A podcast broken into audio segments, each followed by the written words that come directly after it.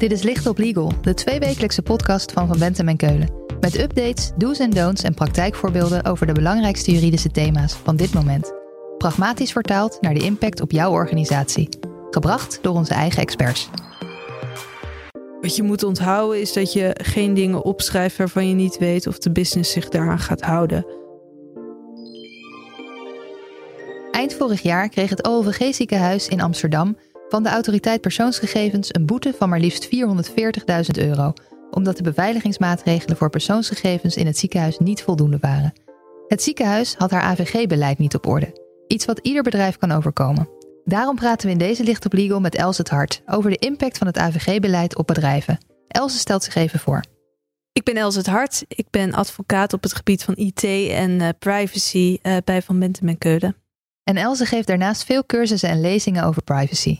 Elze, om af te trappen. Welke regels bepalen eigenlijk hoe je AVG-beleid eruit moet zien? Nergens in de AVG staat hoe je AVG-beleid eruit moet zien.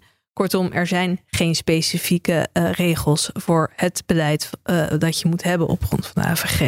Uh, AVG heeft heel veel open normen. bijvoorbeeld met betrekking tot bewaartermijnen. Je mag gegevens niet langer bewaren dan strikt noodzakelijk. In een beleid wil je daar invulling aan geven aan dat soort open normen. Om zo te zorgen dat uh, mensen die met uitvoerende functies in het bedrijf zich daar makkelijk aan kunnen houden en niet steeds zelf opnieuw het wiel uh, hoeven uit te vinden en dat ook zo kunnen implementeren. Maar er moeten toch wel iets van richtlijnen zijn? Uh, er zijn geen uh, richtlijnen voor een AVG-beleid. Wat wel zo is, is dus dat je invulling geeft aan die open normen van de AVG. En uh, bijvoorbeeld een ander voorbeeld is dat je passende, en daar gaan we het ook vandaag over hebben, dat je passende technische en organisatorische maatregelen moet nemen. En wat passend is, dat ga je in je AVG-beleid opschrijven. Nu heb je in de sector, heb je vaak sectorspecifieke uh, normen die daar enige uh, invulling aan geven. Bijvoorbeeld de NEN-normen in de zorg uh, heb je NEN 7510, NEN 7512, NEN 7513.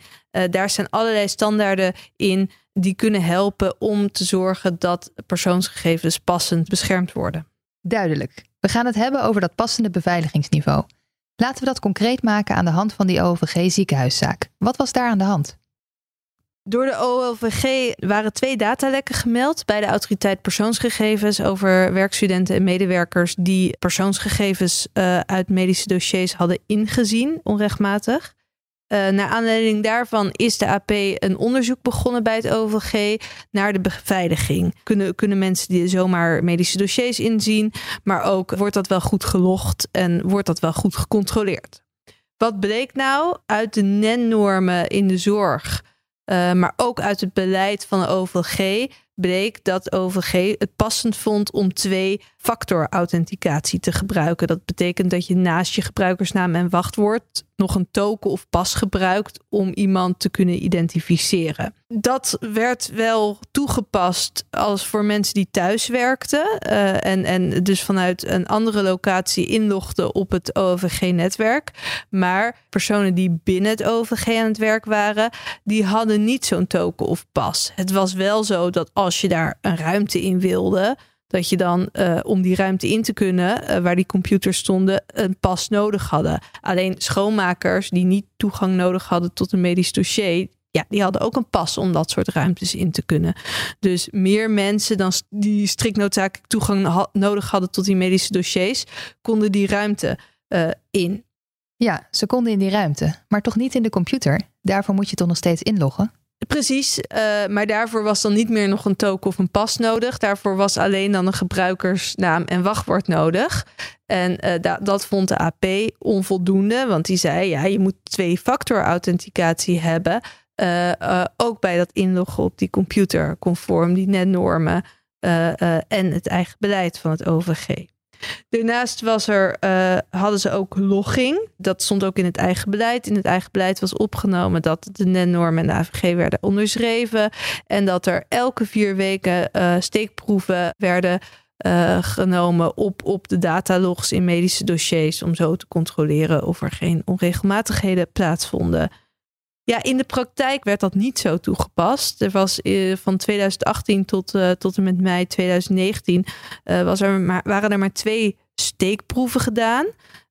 waarin echt werd gekeken. En daar was eigenlijk niks uit opgevallen. Dus toen heeft OVG gezegd: ja, dan gaan we niet elke keer opnieuw die steekproeven doen. Want ja, er is geen aanleiding om aan te nemen dat, dat, dat er onregelmatigheden zijn. Wel zijn er acht incidentcontroles geweest. Dat was meer als een betrokkenen uh, vragen had over, over het medisch dossier. Dan werd er in dat specifieke uh, geval alleen naar dat medische dossier gekeken. Maar ook daaruit was er geen reden om, om verdere controles te doen. Niettemin stond dat wel zo in het uh, beleid van het OVG. Daarnaast vindt de AP dat er stelselmatig en regelmatig controles moeten plaatsvinden uh, op de logging. Dat vindt de AP passend. En twee keer in, in anderhalf jaar vond de AP zeker niet passend. Kortom, AP vond dat er onvoldoende passende technische en organisatorische maatregelen waren genomen door het OVG en heeft om die reden een boete opgelegd van 440.000 euro. Dat is hoger dan de basisboete op een dergelijke overtreding. De basisboete is 310.000 euro. Het is nog eens omhoog gegooid omdat de persoonsgegevens zo bijzonder zijn. En de nalatigheid, de ernstige nalatigheid van het OVG om hun eigen, onder andere hun eigen beleid na te leven. Ja, precies. Die boete was zo hoog omdat het om medische gegevens gaat. Dus het risico op zo'n hoge boete lopen niet alle bedrijven? In principe is een, uh, is een schending van een dergelijke overtreding van de AVG, daar staat 310.000 euro op. Maar in dit specifieke geval ook gezien de bijzonderheid van de persoonsgegevens. Hè, het gaat hier om, om medische dossiers van nou, miljoenen personen. Vond de AP dat een reden om de boete omhoog te, te, eh, te laten uitvallen. Maar ook omdat uh, het OVG zo nalatig is geweest. Door het wel op te nemen in eigen beleid. Zich te committeren aan het eigen beleid. aan bepaalde controles. En zich daar vervolgens niet aan te houden. Ja, want daar zit ook meteen de crux. De autoriteit persoonsgegevens, de AP, tikt het OVG dus op de vingers omdat zij in strijd handelt met het eigen beleid. Dat betekent dus dat niet alleen de wetgeving en de beveiligingsstandaarden bepalen of je AVG-beleid oké is, maar dus ook wat je jezelf oplegt. Wat betekent dit voor bedrijven? Ja, dit maakt deze uh, zaak zo belangrijk voor bedrijven. Uh, en niet alleen voor ziekenhuizen of bedrijven die, die bijzondere persoonsgegevens verwerken bijna elk bedrijf heeft wel ergens een, beleid uh, over de AVG in de kast liggen. Voor sommige bedrijven moeten dat ook hebben.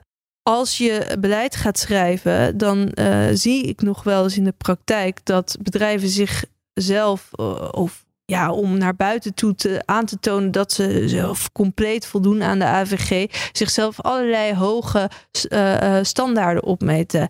En dan bijvoorbeeld zeggen, nadat een werknemer uit dienst treedt, zullen wij binnen twee weken alle gegevens verwijderen.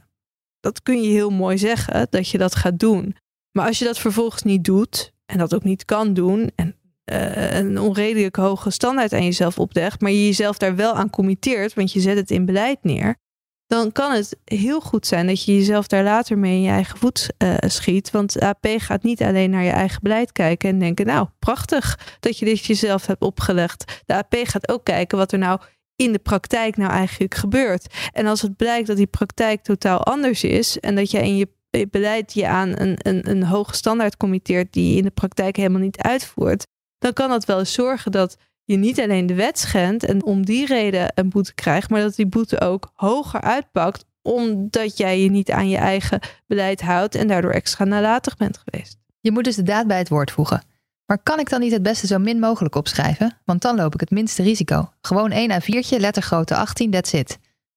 Ja, dat klinkt handig. Het is sowieso handiger om niks op te schrijven dan iets op te schrijven wat je niet uit gaat voeren. Dat wel. Aan de andere kant, je moet de AVG kunnen uitvoeren. En met open normen uh, als gegevens mogen niet langer worden bewaard dan noodzakelijk. Ja, daar, daar kunnen mensen op de werkvloer weinig mee. Dus als je daar geen handen aan voeten aan dat soort open normen geeft binnen je bedrijf, uh, dan kun je ook niet verwachten dat mensen de AVG kunnen uh, naleven en dat dat goed gebeurt. Dus helemaal geen beleid en niks opschrijven.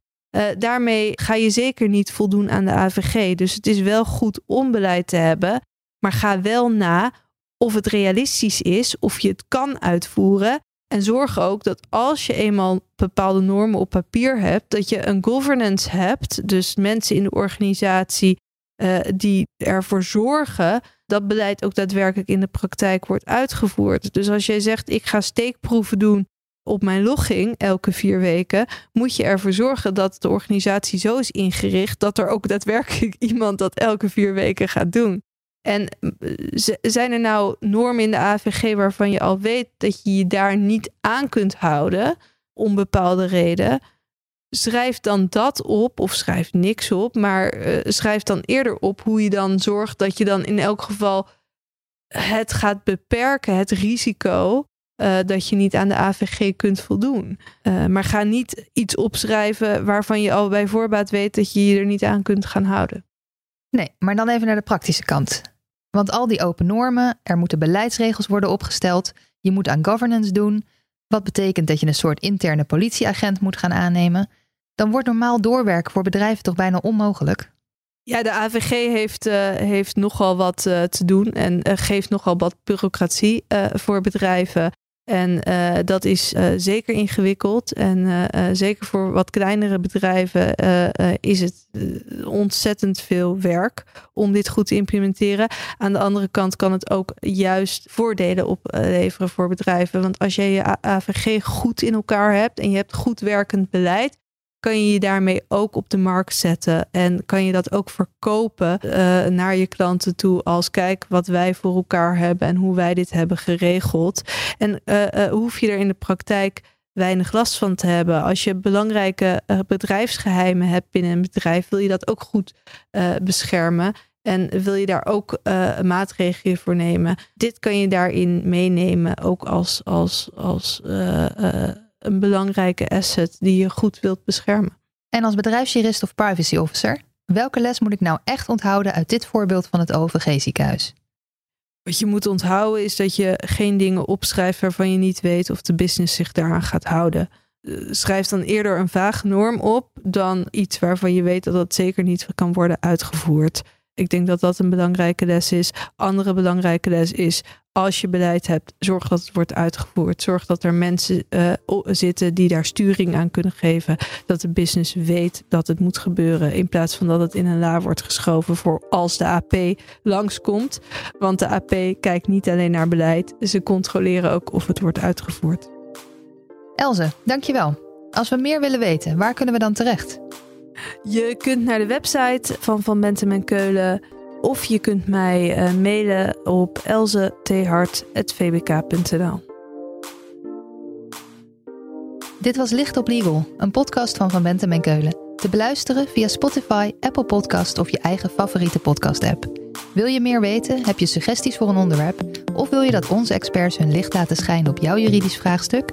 Laat het ons weten via vbk.nl/slash lichtoplegal.